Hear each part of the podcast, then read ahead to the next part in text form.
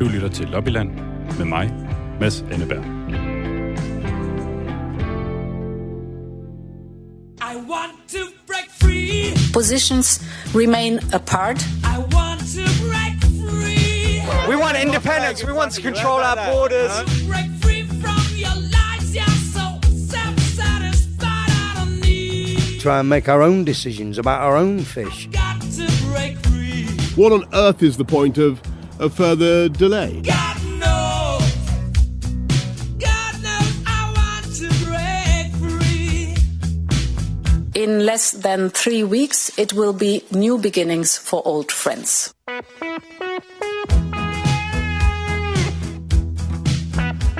Rigtig hjertelig velkommen til Lobbyland på Radio 4. Og glædelig jul til alle jer, der sidder og lytter med. Det her er et program om Europa, men i dag der har jeg én mission. Og det er at få sagt ordentligt farvel til vores kære britiske venner, som lige om lidt forlader EU-samarbejdet. Selvom Storbritannien egentlig forlod EU for en del måneder siden, så har de stadig i praksis været medlemmer, imens begge sider har forsøgt at nå frem til en handelsaftale. Men når klokken slår midnat nytårsaften, så udløber den overgangsperiode, og så er det for alvor slut med næsten 50 års britisk medlemskab af EU. Og det er vi nødt til at markere. Jeg har været en tur i England for at tale med en håndfuld britter, som vi skal høre fra i dag. Og jeg havde faktisk lidt et hyr med at komme hjem igen, fordi der lige pludselig kom en mutant virus ind i billedet, og mange europæiske lande har lukket ned for flytrafikken. Men i dag skal det altså ikke handle om corona. I stedet skal vi bare spille en lang fanfare for britterne, som er de mest hyggelige og gæstfrie mennesker, man kan komme i tanke om.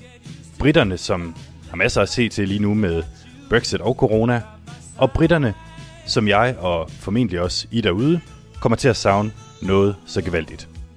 Hvorfor var det nu, de ikke ville være med i vores klub længere? Og hvordan har de det med skilsmissen her få dage før boet skal gøres op? Vi skal høre fra Brexit-aristokratiet. Jeg har været ude at tale med en utrolig gæstfri godsejer, som var en af de mest højlytte stemmer for Brexit. Cheers. Ja. The Brexit um, celebration. Exactly. Get the champagne out. vi skal høre en historie om 40.000 citroner, og vi skal en tur til Dover, det sted i England, hvor der blot er 33 km til Europa, men hvor de i overbevisende stil stemte for at forlade unionen.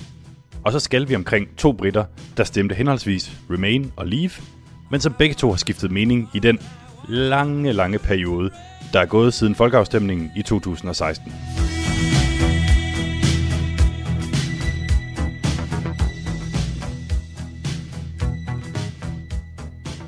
Og vi slutter det hele af med en stor, melankolsk farvelsalut. Are you gonna miss us? Oh, we are going to miss you terribly. Don't know when. We will always be your friends. We will always be your partners. We will always love you. Some sunny day. Jeg ville jo ønske, at jeg kunne have sendt det her program direkte, så I derude kunne byde ind med jeres skåltaler og kærlighedserklæringer til den britiske befolkning. Men jeg sidder i isolation i Vestjylland efter min tur, så jeg har været nødt til at producere programmet i forvejen. I stedet har jeg fundet en dansker, der er selverklæret anglofil. Det er forfatteren Mia Folkman, som har boet i England og er på besøg derovre så ofte, som hun kan komme afsted med det. Hun har også en butik i Danmark, hvor hun sælger engelske varer. Mia, vil du ikke bare starte med at lige præsentere dig selv? Jo, jeg er forfatter først og fremmest, og har skrevet en del bøger om England, og nogle magasiner startede det faktisk med. Og øh, så har jeg en netbutik, der handler mest med engelske varer. Det er det, som er mit sekundære, synes jeg selv i hvert fald. Øh, så det er det, jeg gør. Og hvis du bare lige skulle prøve at sætte et par ord på dit forhold til England og englænderne. Jamen, det, øh, det er egentlig lidt sjovt, fordi for 30 år siden, så begyndte vi at rejse til England, sådan mere eller mindre tilfældigt. Og vi blev så glade for det, fordi det var sådan lidt som at komme tilbage i tiden. Ligesom da vi var børn, synes vi. Det var, det var så hyggeligt og lidt gammeldags, og alt det, som vi synes, vi kunne huske fra vores barndom, det kunne vi finde derovre stadigvæk, når man kom lidt ud på landet i hvert fald. Og, øh, og vi blev så glade for det. Vi begyndte at lege hus derovre, forskellige hus, forskellige steder, og køre rundt. Og der var et hus, vi hele tiden vendte tilbage til, og som vi lejede 10 år i træk. Og det endte vi med at købe. Så vi rejser stadigvæk til England, når vi ellers kan. Ikke i år, Men det vi så gør, når vi rejser rundt, det er selvfølgelig at samle materiale ind til flere bøger. Så der er hele tiden noget i gang. Øh, og så tager jeg lidt varme hjem til butikken, og sådan det ene med det andet. Så det er sådan kombineret forretning og fornøjelse nu. Ja, og, og man kan sige, at grunden til, at jeg øh, hørte om dig mere, det var, fordi en af mine øh, venner anbefalede den her bog, Vores Engelske Hus, som du så har skrevet. Ja, jamen det er jo det. Det var det hus, vi endte med at købe, som øh, var 400 år gammel. Og, og øh, ja, vi, vi var bare så forelskede det sted, så vi havde hele tiden gået spygt med, at i dag ville vi købe det, og vi endte altså også med at gøre det. Der er mange øh, skægge ting ved at bo i sådan et gammelt hus langt ude på landet. Men en af de ting, vi elskede meget, det var faktisk også, at alle naboerne tog så godt imod os. Der var ikke noget med, at vi var udlændinge, vi danskere, og vi købte et hus, og det var mærkeligt. Det var det slet ikke. De syntes, at det var så hyggeligt, og selvom naboerne boede et godt stykke væk, så øh, har vi aldrig haft så meget med kaffeslapperas og, og sludder over hækken, som vi havde der. Så, så de var meget øh, imødekommende, og det var så dejligt. Så vi fik mange gode venner. Vi har nogle af dem endnu heldigvis. Hvad er det allerbedste ved britterne? Jamen, det er nok deres imødekommenhed og deres nysgerrighed på... Altså, hver gang vi rejser rundt, nu, nu rejser vi jo rundt forskellige steder, og det er lige meget hvor, synes jeg, så, øh, så kommer vi altid at snakke med nogen. Og ja, vi, øh, vi skal bare sidde et øjeblik. De er så nysgerrige på os, for de kan jo høre, at vi snakker dansk, og de er sådan meget jamen, hvor kommer I så fra? Og sådan noget. Men det, det bliver ikke bare ved det, for så ender det med, at de, de snakker om alt muligt. Om deres bekymringer, om, om Brexit, fordi lige pludselig kan de måske ikke de ting, de troede, de kunne, og sådan noget. Ikke? Og, og man, man snakker med folk om, ja, hvad der nu falder ind, ind om, om haver og huse, og hvor vi nu er. Så øh, det er så nemme at komme i snak med, synes jeg. Og øh, det, det holder jeg utrolig meget af. Og så holder jeg også meget af deres kultur. Den her gamle kultur med alle de, de, de gamle huse og sådan noget. Det har vi selvfølgelig også herhjemme, men ikke lige i det store tal, som de har. Og, og haver og natur. Den er jo også fantastisk. Så, men, men de er bare så imødekommende. Jeg har aldrig nogensinde mødt nogen, der ikke har været det. Synes du, at det er lidt en, øh, en, en trist begivenhed nu her, når de, øh, når de træder helt og aldeles for alvor ud af, af EU? Ja, det synes jeg jo. Personligt synes jeg, at det er lidt trist, fordi så er det ligesom, at men altså på, en, på en måde kan jeg godt forstå mig, på en måde kan jeg ikke. Og, og jeg synes måske bare, det er et forkert tidspunkt, de gør det på, fordi det gælder bare at stå sammen nu. Der er så mange ting, vi skal tage fat i, og det, det er det måske bedste, vi er sammen om. Så det, jeg synes, det er lidt forkert nu. Jeg tror, de får det lidt svært. Men øh, det skal ikke forhindre mig at rejse rundt over stadigvæk. Det fede ved, ved britterne er jo også, at øh, dem, dem jeg har talt med derovre nu her, så selvom de stemte for øh, altså imod Brexit, så, så kan de stadig godt se nogle muligheder i det og sådan noget. De er meget sådan, øh, øh de, de er gode til at udnytte den situation, de nu står i, synes jeg. Ja, men det, det gør de også, og det kan de også. Det er jeg sikker på, at de gør. Fordi, ja, det skal de jo gøre, selvfølgelig. Øh, og nu må vi se, om der kommer en aftale i sidste øjeblik. Men ellers så finder de ud af det. Og sådan, sådan er det jo i det hele taget med mennesker. At vi finder som regel ud af de problemer, der opstår. Altså, man kan altid forestille sig, at situationen bliver værre, end den egentlig viser sig at, at være i virkeligheden. Ikke? Så det tror jeg også, de gør. De er gode til at tilpasse sig. Det kan man jo se i mange tilfælde og igennem historien. Så det tror jeg også, de gør her. Og de lærer at leve med det. Jeg har allerede i min butik haft nogle leverandører, der har fundet udveje med, nå ja, vi finder ud af det alligevel, og sådan noget. Ikke? Så de er jo begyndt at tænke i de baner. Men der er en overgang. Der vil være en overgang, hvor det hele er noget rod. Og det er jeg sikker på, men så, så kommer der nok en løsning på det. Og den her butik, som, øh, som du har, Mia, prøv lige at fortælle, hvad er det for nogle varer, du, du sælger der? Jamen, den hedder Anglofilia, så det er meget engelske ting. Det er ikke kun engelske ting, men det er primært engelsk, og det er gammeldags ting. Og både noget nyt og noget brugt. Så øh, det er de ting, som, som jeg selv kan lide, og som jeg kunne have fundet på at købe med hjem fra England. Det er gaveartikler og ting til huset og alt sådan noget. Men, men nok lidt i den mere gammeldags stil. Og, og du sælger altså britiske varer. Øh, har, har du forberedt dig på, øh, på, på det værste nu her til, til nytår? Nej, egentlig ikke, fordi der, der har jeg det, ligesom jeg sagde, englænderne, de finder ud af det, og sådan er jeg det også selv. Så jeg tror, jeg finder ud af det. Øh, og hvis det bliver noget med, at, man skal lære noget om, om, om 12 og spedition og sådan noget, så finder jeg også ud af det. Men jeg venter lige lidt, fordi øh, jeg vil lige se, hvad det bliver til. Måske nogle gange så tror man, det bliver værre, end det bliver. Så for mig bliver det ikke en afsked, det bliver bare noget andet. Fordi lige pludselig så bliver visse ting anderledes. Men i bund og grund, så tror jeg ikke, det ændrer sig særlig meget. Og jeg kan huske faktisk, der var en dame, jeg snakkede med oppe i Yorkshire, og så sagde jeg til hende, at det er ligesom om tiden har stået stille heroppe. Ja, heldigvis for det, siger hun så og det, det, det er nok det, jeg tænker på med englænderne. Altså, at tiden er meget stået stille, mange steder ude på landet, men det er på den gode måde. Fordi det er stadig det her med hyggeligt trygge samfund, hvor man kender hinanden og hjælper hinanden og sådan noget, og det tror jeg, de vil blive ved med. Det ændrer ikke noget.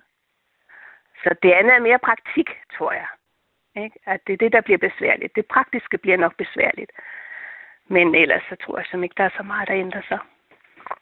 Heldigvis for det. Heldigvis for det. Du må simpelthen have en rigtig dejlig jul, og jeg håber, at det ikke bliver så slemt, som man kunne frygte med alt det her. Det gør det sikkert ikke. Og en rigtig glædelig jul også. Det var altså den danske anglofile forfatter Mia Folkman. Og hun tænker, at det her, det skal nok gå. Skål gammel venskov ren for god og stryges frøer min. Should all the acquaintance be forgot and days of old lang syne? For old lang syne, dear, for old lang syne. Du lytter til Lobbyland på Radio 4, hvor vi i dag helliger os et formål. Nemlig at sige farvel til vores britiske venner, som om få dage forlader det europæiske politiske fællesskab. Jeg synes personligt, det er lidt trist, og jeg håber, at danskere også i fremtiden vil kunne studere i Storbritannien, arbejde i Storbritannien og bo i Storbritannien, og selvfølgelig vice versa. Men til tider forstår jeg også godt, hvad det var, der drev britterne til at bede om en skilsmisse. For eksempel så blev jeg lige en anelse mere Brexit-begejstret af at besøge ham, som vi skal høre fra nu. En godsejer og Brexit-aristokrat, som er uendeligt optimistisk omkring britternes fremtid uden for EU. My name is Francis Fulford. I live in a large house in the middle of the Devon countryside in the southwest of England um, on an estate of some 3,000 acres. Francis Fulford er en semikendis i Storbritannien, fordi han har været med i adskillige reality-programmer. Blandt andet i det, der hedder The Fucking Fulfords. Oh, give me land, lots of land under Han er nummer 29 i rækken af Fulfords, som har boet på Great Fulford. In 1199, King Richard the Lionheart Det er et gods med 1200 hektar, som ligger i Devon i det sydlige England.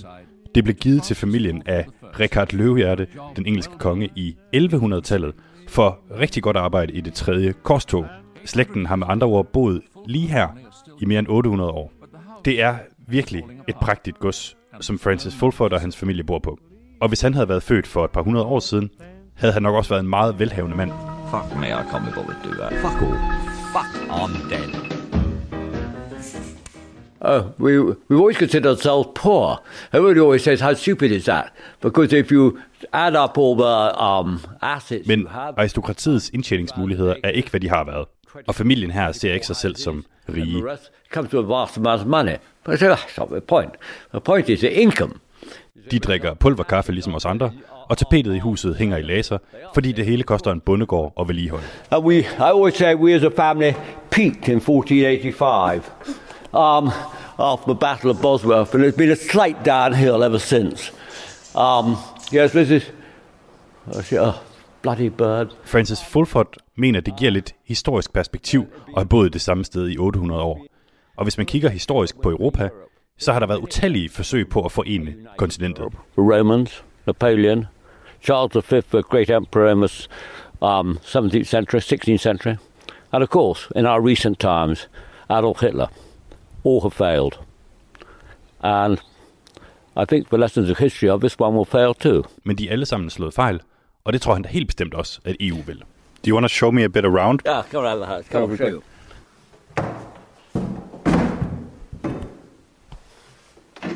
So this is the Great Hall. We're now in the Great Hall.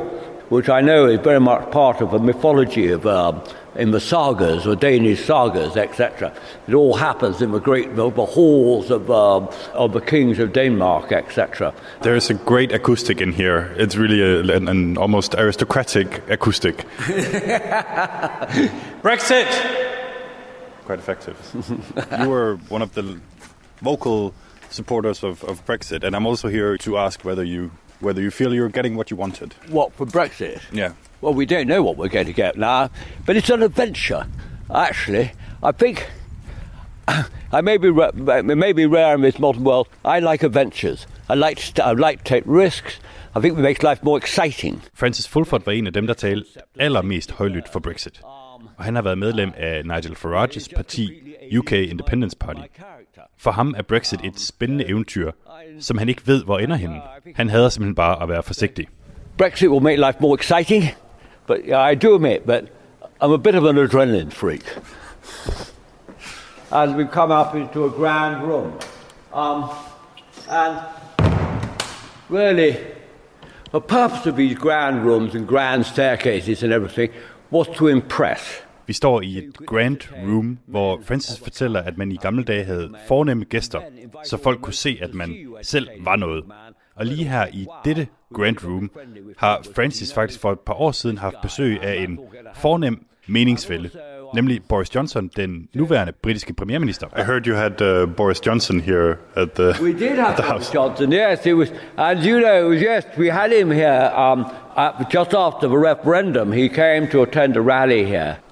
And I have to say, I mean, he's a pretty weird guy, Boris Johnson, in my opinion. But he was brilliant. Francis mener, at Johnson, ligesom ham selv, er en mand, der kigger bagud. And I think that's what people have to understand about Boris, is he's a historian. And I think he's very aware where he would like to be in history. And that he would like to be, like his hero Churchill, a, a historical figure. Han ved lige præcis, hvordan han vil huskes i historiebøgerne. Som vor tids Churchill, der bragte selvstændigheden tilbage til Storbritannien. And I think perhaps the people in Europe and Brussels don't fully understand that. Det er det, de ikke forstår i Bruxelles, at Boris Johnson er mere optaget af historien end af økonomiske detaljer. He, his deal is with history, not really with economic minutiae. Francis Fulford stemte selv for, at Storbritannien skulle melde sig ind i EU i 1973, sammen med Danmark. I actually voted to go into Europe. Um, I was young then, of course. Men som han siger, det var dengang han var ung. Nu er han en diehard EU-skeptiker. Og der er jo faktisk mange i Danmark, der er ked af, at vi mister britterne i fællesskabet, fordi de har været med til at bremse de store armbevægelser hos Frankrig og Tyskland. Så spørgsmålet er, om Francis har et godt råd til os danskere til, hvordan vi holder føderalister såsom Frankrigs præsident Emmanuel Macron i skak. I guess you've been able to tame the, the, the French for, for, for quite some decades now. There must be some kind of trick to stop Macron. Well, Macron, all he he just all little men want to fight. I mean, it's like little dogs. Terriers are like they always try. It doesn't matter how big the other dog is, they'll still want to fight. But how you're going to deal with, with Europe, you must remember, you are pawns on the field. Han har ikke så meget til års for franskmændene. Han er også skeptisk over for tyskerne, som han mener er for rigide og hele tiden følger reglerne. Og han har ikke rigtig noget godt råd til os danskere. Udover at han siger, at vi skal melde os ud af EU og slutte os til Storbritanniens enmandsklub. Leave and join the United Kingdom outside. Um, that would be great. give you some soup and a car. Der findes simpelthen ikke noget bedre billede på Storbritannien end det her sted. Det har engang været stort og mægtigt. Nu er det en smule forfaldent, og tapetet hænger i laser. Men gæstfriheden kender ingen grænser. Francis' kone hedder Kishanda.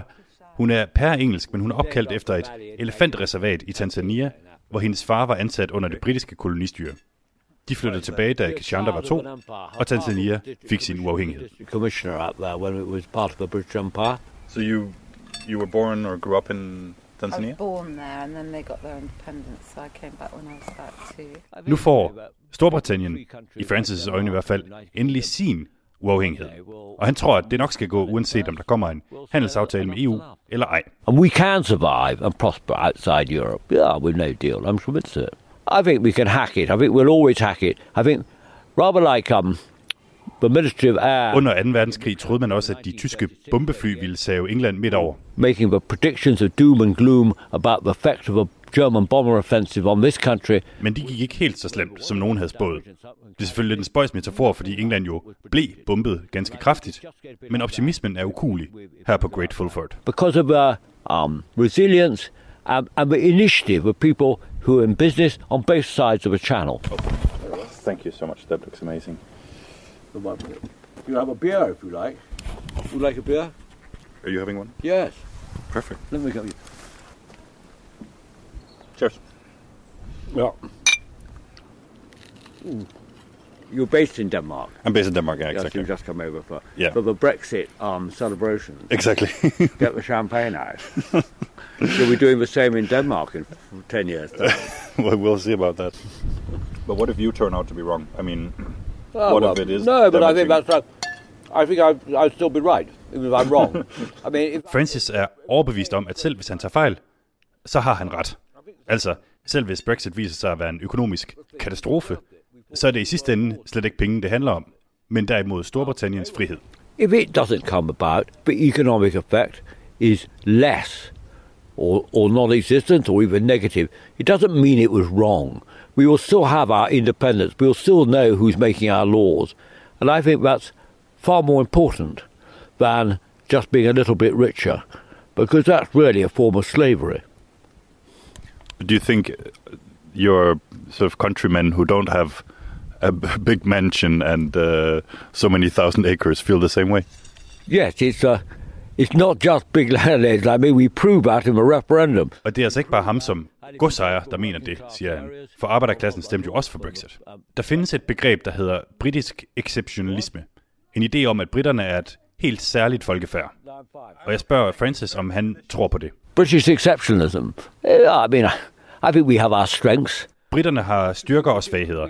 De har en helt særlig evne til at innovere og finde på. We're very good at innovation in this country. I mean, we we're very good at getting ideas. We're very good at starting things, but we're very bad at finishing things. So we'll design a lovely car, but and it'll all look lovely, but then it'll break down because we, we we've lost interest somehow. Somehow halfway through the Men de mister ofte interessen halvvejs.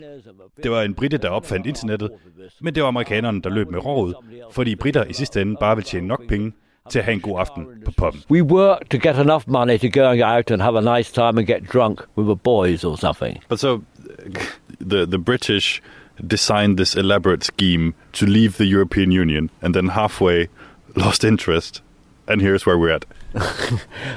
it was never going to be simple. Perhaps some people thought it was going to be simpler than it is. But leaving, breaking up a marriage after um, 50 years is never going, was never going to be simple. It's not simple if you break up your own bloody marriage after 50 years. So, of course, it's not going to be simple. Det her var altså Francis Fulford, godsejer og Brexit-aristokrat, og i øvrigt også tidligere soldat. Han har blandt andet tjent i Danmark, hvor han og nogle andre britter skulle lade som om, at de var en russisk invasionsstyrke. Francis holder meget af Danmark, og jeg holder meget af mit besøg hos Francis. Det var for det første det smukkeste sted, og så var han, hans kone og hans børn noget af det mest gæstfri, jeg nogensinde har oplevet. Det er lige præcis det, der er så elskværdigt ved britterne. Og så elsker jeg hans optimisme omkring Brexit. Han har ikke stemt lige, fordi han er sur og tør, men fordi han ser det som en stor chance for sit land. I want to break free. Positions remain apart. We want independence. We want to control our borders. Break free from your lies. You're so self-satisfied. I don't need Try and make our own decisions about our own fish. to break free. What on earth is the point of a further delay? God knows. God knows I want to break free. In less than three weeks, it will be new beginnings for old friends.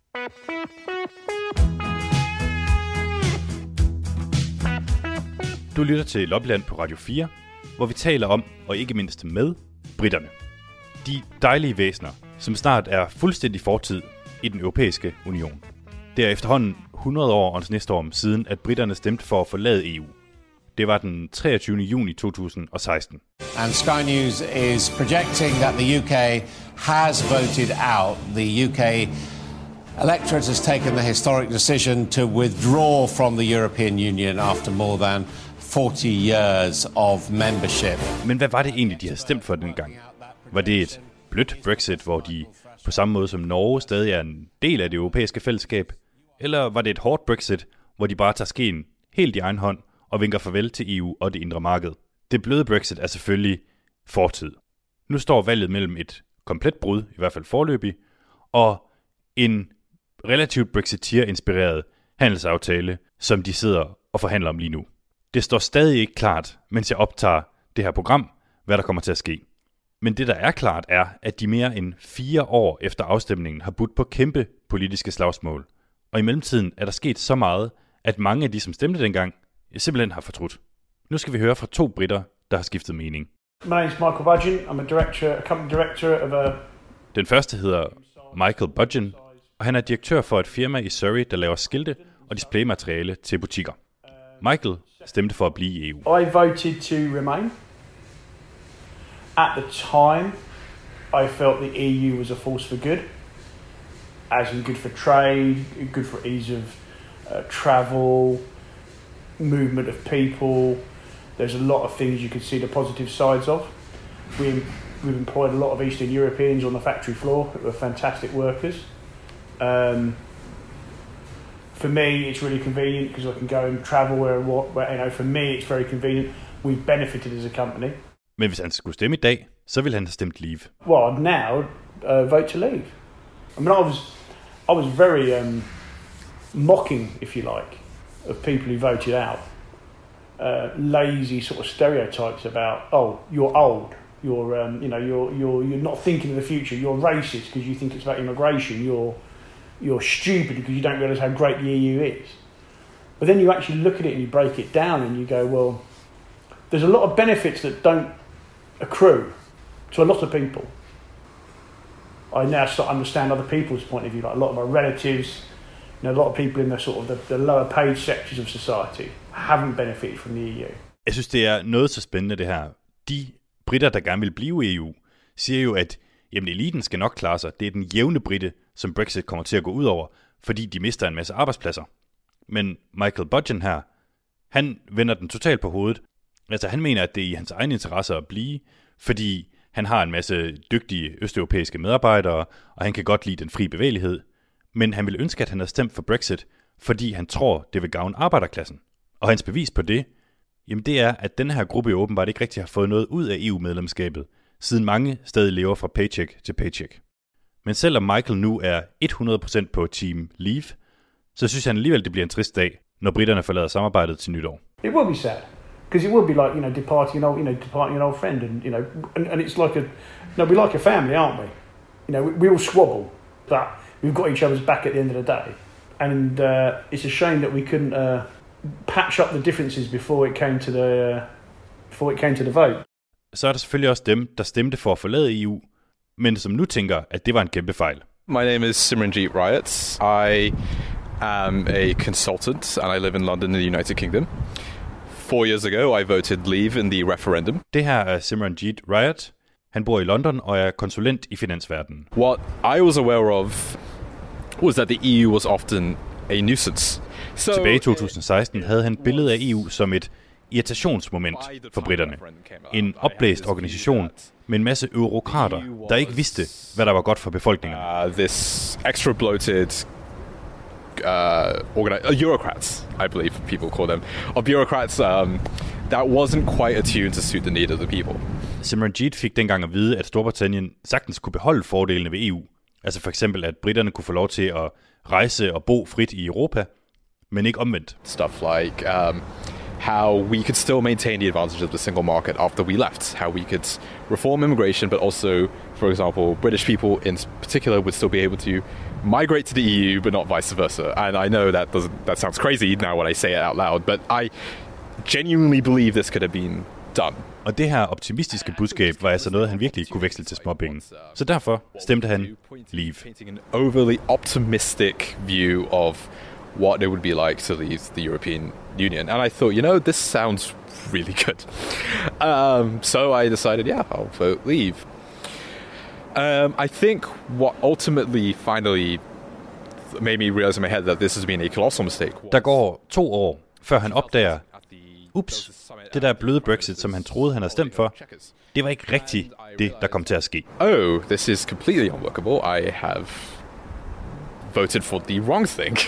This has to be stopped if possible. Så i stedet for, så begyndte han at føre kampagne for, at Storbritannien skulle blive i EU. And so the Remain side, my side, became we became more emboldened that hey, we could stop this. Men den drøm blev for alvor knust sidste år i december, da Boris Johnson vandt valget med sloganet Get Brexit Done. And so then, like Boris Johnson, once he had it, was basically almost over at that point. Men det sjove er, at selvom Simranjit her er blevet en form for anti-Brexit campaigner, så synes han stadig, at Brexit er en god idé, men kun hvis britterne startede med en aftale, ligesom Norges, altså hvor de stadig er meget tæt på EU, og så kunne de måske gradvist over en længere periode fjerne sig mere og mere, hvis det ikke er. So if we had taken a Norway scenario, and we still felt that we were too imbued, we could have slowly untangled ourselves. The appropriate process would have been to leave over 10 years instead of just doing it very quickly. Simranjit lægger meget vægt på det økonomiske. At Storbritannien bliver fattigere efter Brexit. Men hvad nu, hvis han tager fejl? Hvad nu, hvis Boris Johnson og alle Brexit-optimisterne har ret, og det viser sig at være en god forretning for britterne at træde ud? Vil han så ombestemme sig igen igen? And you know what? If I'm wrong, I will happily admit I'm wrong. I've admitted I've been wrong once. And if the evidence shows that I'm wrong, I'm more than happy to admit that. Should old acquaintance be forgot and never brought to mind? Skuld gammel ven skavren forgå med dem dag så længe, længe siden. De skønne ungdomsdag, og ja, de dag så svære at finde. Vi vil vor kop så glade for dem dag så længe, længe siden. Du lytter til Lobbyland på Radio 4. Et program om EU, som i dag er stoppet op for at dvæle ved det lidt vemodige faktum, at britterne om få dage er fortid i unionen. Simranjit, som vi hørte fra her, han føler altså mildest talt ikke, at han har fået det Brexit, han gerne ville, og som han stemte for. Men det er der jo nogen, der gør. Nogen, der stemte for at forlade EU, fordi de eftertrykkeligt gerne ville, ja, forlade EU. Dem gik jeg også på jagt efter. Jeg tog en tur til Dover, den her ikoniske kystby i det sydøstlige England, hvor de hvide klipper i århundreder har været et symbol på britternes forhold til resten af Europa. De har symboliseret britternes fæstningsværk mod uvelkomne invasionstogter, og de har budt millioner af fredeligt sindede mennesker velkommen til de britiske øer. Fra Dover er der kun 33 km over til Frankrig og det europæiske fastland. Men alligevel var Dover et af de steder, hvor tilslutningen til Brexit var højest. Næsten to tredjedele. Turn right onto London Road, A256. Det var mit første besøg i Dover, og jeg blev faktisk lidt overrasket. Jeg havde et ganske romantisk billede af byen, men det viste sig at være lidt af et sted, der, ligesom en del andre britiske kystbyer, engang var storslået, men som ikke er kommet specielt godt ind i den tidsalder, vi lever i nu. Jeg startede med at prøve at få en fornemmelse af stedet. I og med, at popperne var lukket på grund af corona, måtte jeg tage en tur til en barbershop i stedet.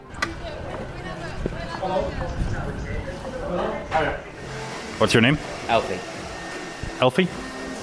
What's that name? Uh, Alfie. Yeah, A-L-F-Y, yeah. How would you describe Dover? So, I'd say the youth of Dover are very narrow-minded, not very acceptant.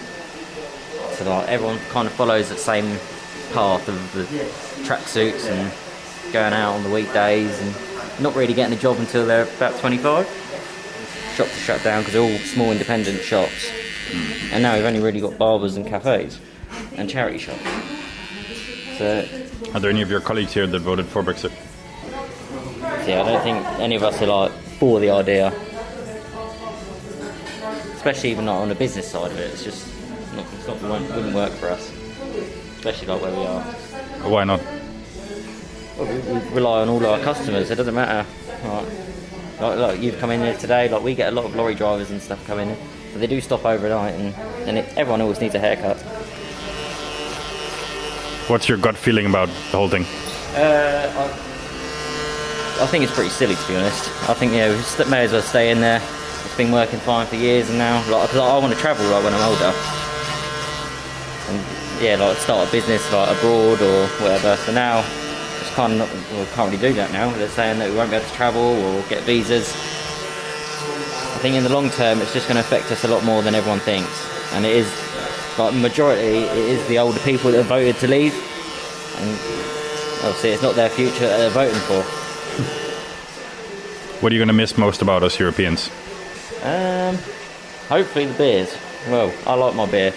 If it, if the trade goes up, it, obviously it'll be more expensive to get a pint and stuff now, won't it? Which is a bit of a shame. I do like going to the pub. And the music. Like I DJ, so I, like, I would ideally like to go to Ibiza and Belgium and places like that and play. But obviously we'll see how that goes. Alfie her, som førte saksen på min fine juleklipning, er bestemt ikke den eneste i Dover, som er lidt træt af byen. Alle jeg mødte havde noget dårligt at sige om den, og det pæneste jeg hørte var noget ala, ja, men det er jo her jeg bor, eller den trænger bare til en kærlig hånd og en hel masse penge. Men Alfie, han tilhører altså den unge Brexit-skeptiske generation, som jo bare glemte lidt at møde op til folkeafstemningen. Det var i høj grad den ældre generation, der førte Storbritannien ud af unionen. Så jeg gik en tur ned på havnepromenaden for at finde nogle ældre mennesker. Og jeg fandt både Leavers og Remainers. What is your name? John? Andrew Carter. I am Michael. Uh, Greg, Doug Greg. And I'm Jackie. Are you Yes. lost? no, I'm not. I was just wondering if I could ask you a few questions about the whole mess and ordeal about Brexit. Oh. oh, bloody Brexit. See, I voted for Brexit because I think we ought to be independent and uh, stick to our own laws, which we conceived in the first place. We probably uh, we we kind of uh, invented the law, and I don't want to be dictated to by some other country. I mean, are you looking forward to the 1st of January? No, not at all. If, if we go out without an agreement, it's going to be absolute chaos because we're not going to be ready for all the, re- the new regulations and so on, I don't think, anyway. I mean, if you look over here, you can see all the, the Arctics queuing up already. They're trying to get out before the new year. Ja, her er altså en fra hver lejr. En, som siger, at det var britterne, der fandt på loven i det hele taget, og derfor så gider han altså ikke, at der er andre lande, der skal diktere, hvad for nogle love de skal følge. Og så er der en, der sådan set bare peger bagud på alle de hundredvis af lastbiler, der holder i kø. Man skal forestille sig, at vi står nede på havnepromenaden, vi kan se op på Dovers øh, hvide klipper, og så er der sådan en vej, der kommer ned på havnen og snor sig rundt, og der er lastbiler, lastbiler, lastbiler i lange baner. I don't think it's going to be a no deal. I'm quite happy if it was a no deal. It's not the best way, but I think that it would force things on our side to have to actually go down the right routes. I, I would prefer no deal without a doubt. I think we'll get along perfectly well. Uh, you and your uh, compatriots in the EU, you all want to sell us stuff, and we want to sell you stuff. I remember the days when it was everything was English, English decided, English rules, English laws, English fighting if necessary, but with support of other countries when they were needed, not forced. Do you have a last message to your friends in Europe? Can you come and get me? Can you come and get me too? I don't think we're going to have any problems with anybody else. I think it was just go on as normal. It's only the politicians that argue. Denmark is a lovely place. I've been there several times and I'm going in June if COVID allows. Goodbye from uh, from all of Europe. Okay, well, thank you, and we're still your friends, of course. and I wish we could come and see more of you, but it's going to be a whole lot more difficult, which is stupid. But there we go. Nu startede jeg med at sige, at jeg vil høre fra dem, der vil have et knaldhårdt Brexit. Og det vil et par af dem, jeg talte med her. En af dem var John, som dybest set håber, at der ikke rigtig kommer nogen handelsaftale. John mindes de gode gamle dage, hvor det britiske Commonwealth, altså en samling af tidligere kolonier, forsynede britterne med alt det, de havde brug for. When we would buy everything from Australia, everywhere was sending their stuff to us, like the, the lamb came from New Zealand, and so everybody just had produce from around the world rather than having to have it from the EU and sticking by their rules. Lige nu sidder forhandlerne fra Storbritannien og EU og arbejder på højtryk for at se, om de kan nå frem til en handelsaftale. Og det kan selvfølgelig være, at de finder en snedig måde at lige udskyde det en lille bitte smule på, fordi det er så meget i begge siders interesse at finde en aftale. Men deadline er altså som udgangspunkt midnat nytårsaften. Men både i Storbritannien og i Danmark sidder der jo lige nu en masse mennesker og venter i nervøs spænding på, om der kommer en handelsaftale mellem os og britterne. Især de små virksomheder risikerer at blive hårdt ramt af et no-deal Brexit. Og bare i det hele taget ramt, fordi uanset hvad, aftale eller ej, så er der tusind regler, der skal følges, og papirer, der skal udfyldes efter nytår. I den engelske by Settingbourne ligger der en lille virksomhed, som producerer tørret frugt og grønt. Rigtig, rigtig mange slags tørret frugt og grønt endda. Og her fik jeg en snak med ejeren, Nimisha Raja. Come in. We apologize for all the mess everywhere. It's Christmas. This is the main processing area. All the fresh fruit comes in here. What we're processing today is cucumber. Do you make dried cucumber? Dried, yes, dried. Cucumber, tomato, beetroot, parsnip, kumquat, peppers, courgette, watermelon, seaweed we do as well. Kale crisps we have made in the past. Kale crisps. Kale, yes.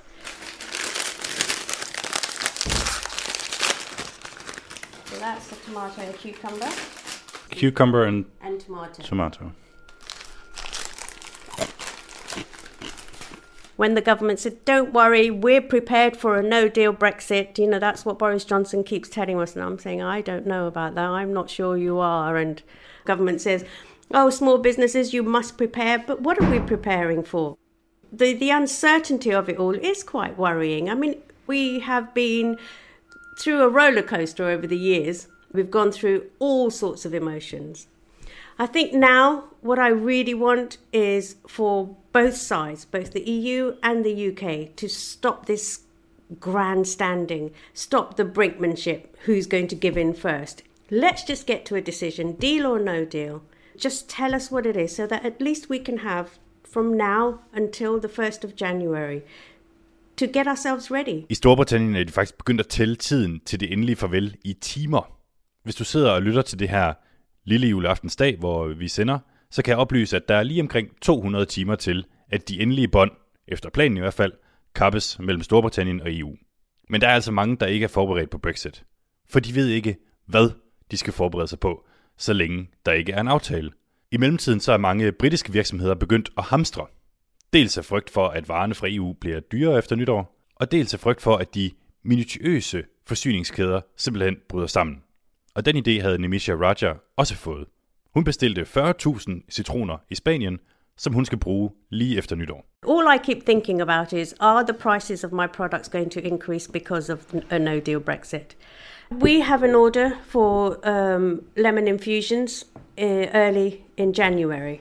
So I decided to stockpile not just for our next order in January, but for the next two orders after that. So normally we would get two to three tons in. I decided I'm going to get minimum eight tons.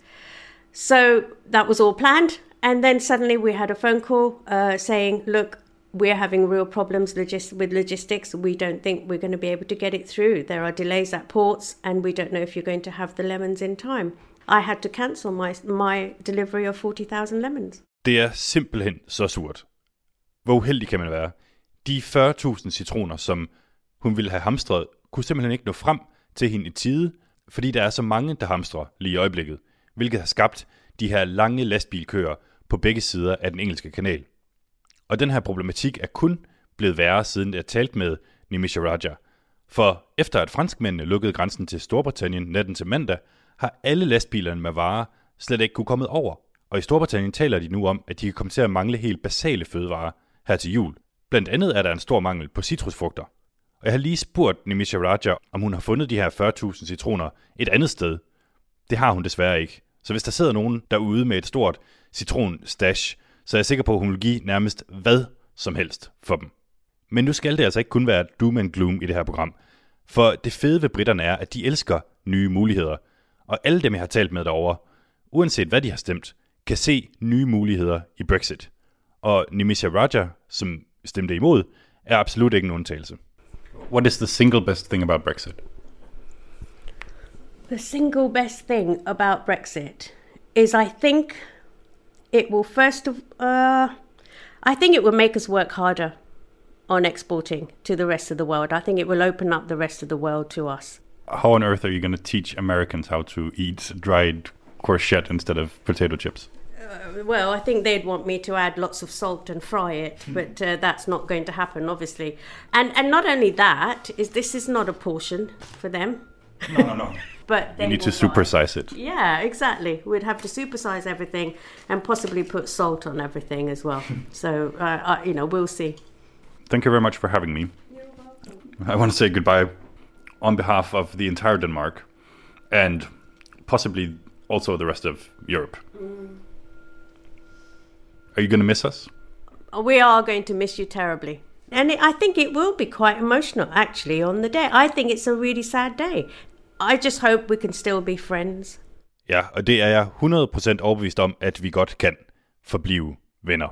Jeg kan lige indskyde, at i sidste uge, der udlodede vi en pose af de her agurk- og tomatchips til en Radio 4-lytter. Og Tove fra Vejle, hvis du sidder og lytter med her i programmet, så er de altså på vej. Forhåbentlig når de frem inden nytår, så du ikke skal til at betale 12. Og nu er der vist bare tilbage at sige farvel. Ordentligt farvel. Det gør vi til tonerne af en britisk sang, der passer rigtig godt til lejligheden. En farvelsang, der egentlig er skrevet til de britiske soldater, der drog til Europa i 2. verdenskrig, og hvor man på albumcoveret kan se Dovers hvide klipper. Programmet her er blevet til med hjælp fra min kollega Ein Amrepur. Redaktør er Lene Jul Brun. Mange tak for denne gang, både til jer og til britterne. We'll meet again. You know, it's been a long time that we've been together. It's a breakup. and we'll have to get over it. Let's make it uh, one of the good Make me very sad, yes. We'll meet again. Don't know where, don't know when. I think I just want to say on behalf of the entire Denmark that we are going to miss you guys terribly. Yeah, I think I think it's funny if it's like it is like it is like a relationship. You know, it's like um, it's, it's sad because it, it shouldn't have come to this. Just like you always do. breaking up a marriage after um, 50 years is never going, is never going to be simple. It's not simple if you break up your own bloody marriage after 50 years. So will you please say hello to the folks that I know?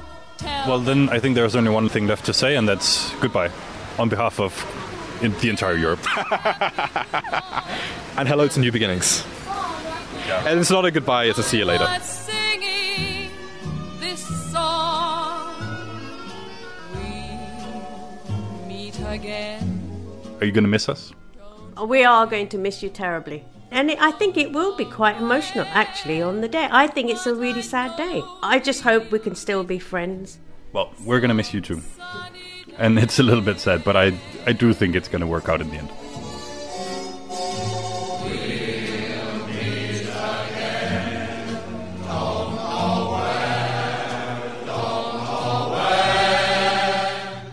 Always be your friends, we will always be your partners, we will always love you. What are you going to miss most about Denmark? About Denmark. Visiting my friends there. It's going on holiday and making it easy, going away for a weekend without worrying too much about it. It will be sad because it will be like you know departing an old you know departing an old friend and you know and, and it's like a no we like a family aren't we? We all squabble, but we've got each other's back at the end of the day. It's a shame that we couldn't uh, patch up the differences before it came to the uh, before it came to the vote. It's for Denmark. Christmas. Denmark. Merry Christmas, Denmark. Do you have a last message to your friends in Europe? Can you come and get me? Can you come and get me too? I'll see what I can do about that. It's a goodbye present, I suppose. Yes, and it, it's, it's something for you to remember us by when you get back. Don't forget us.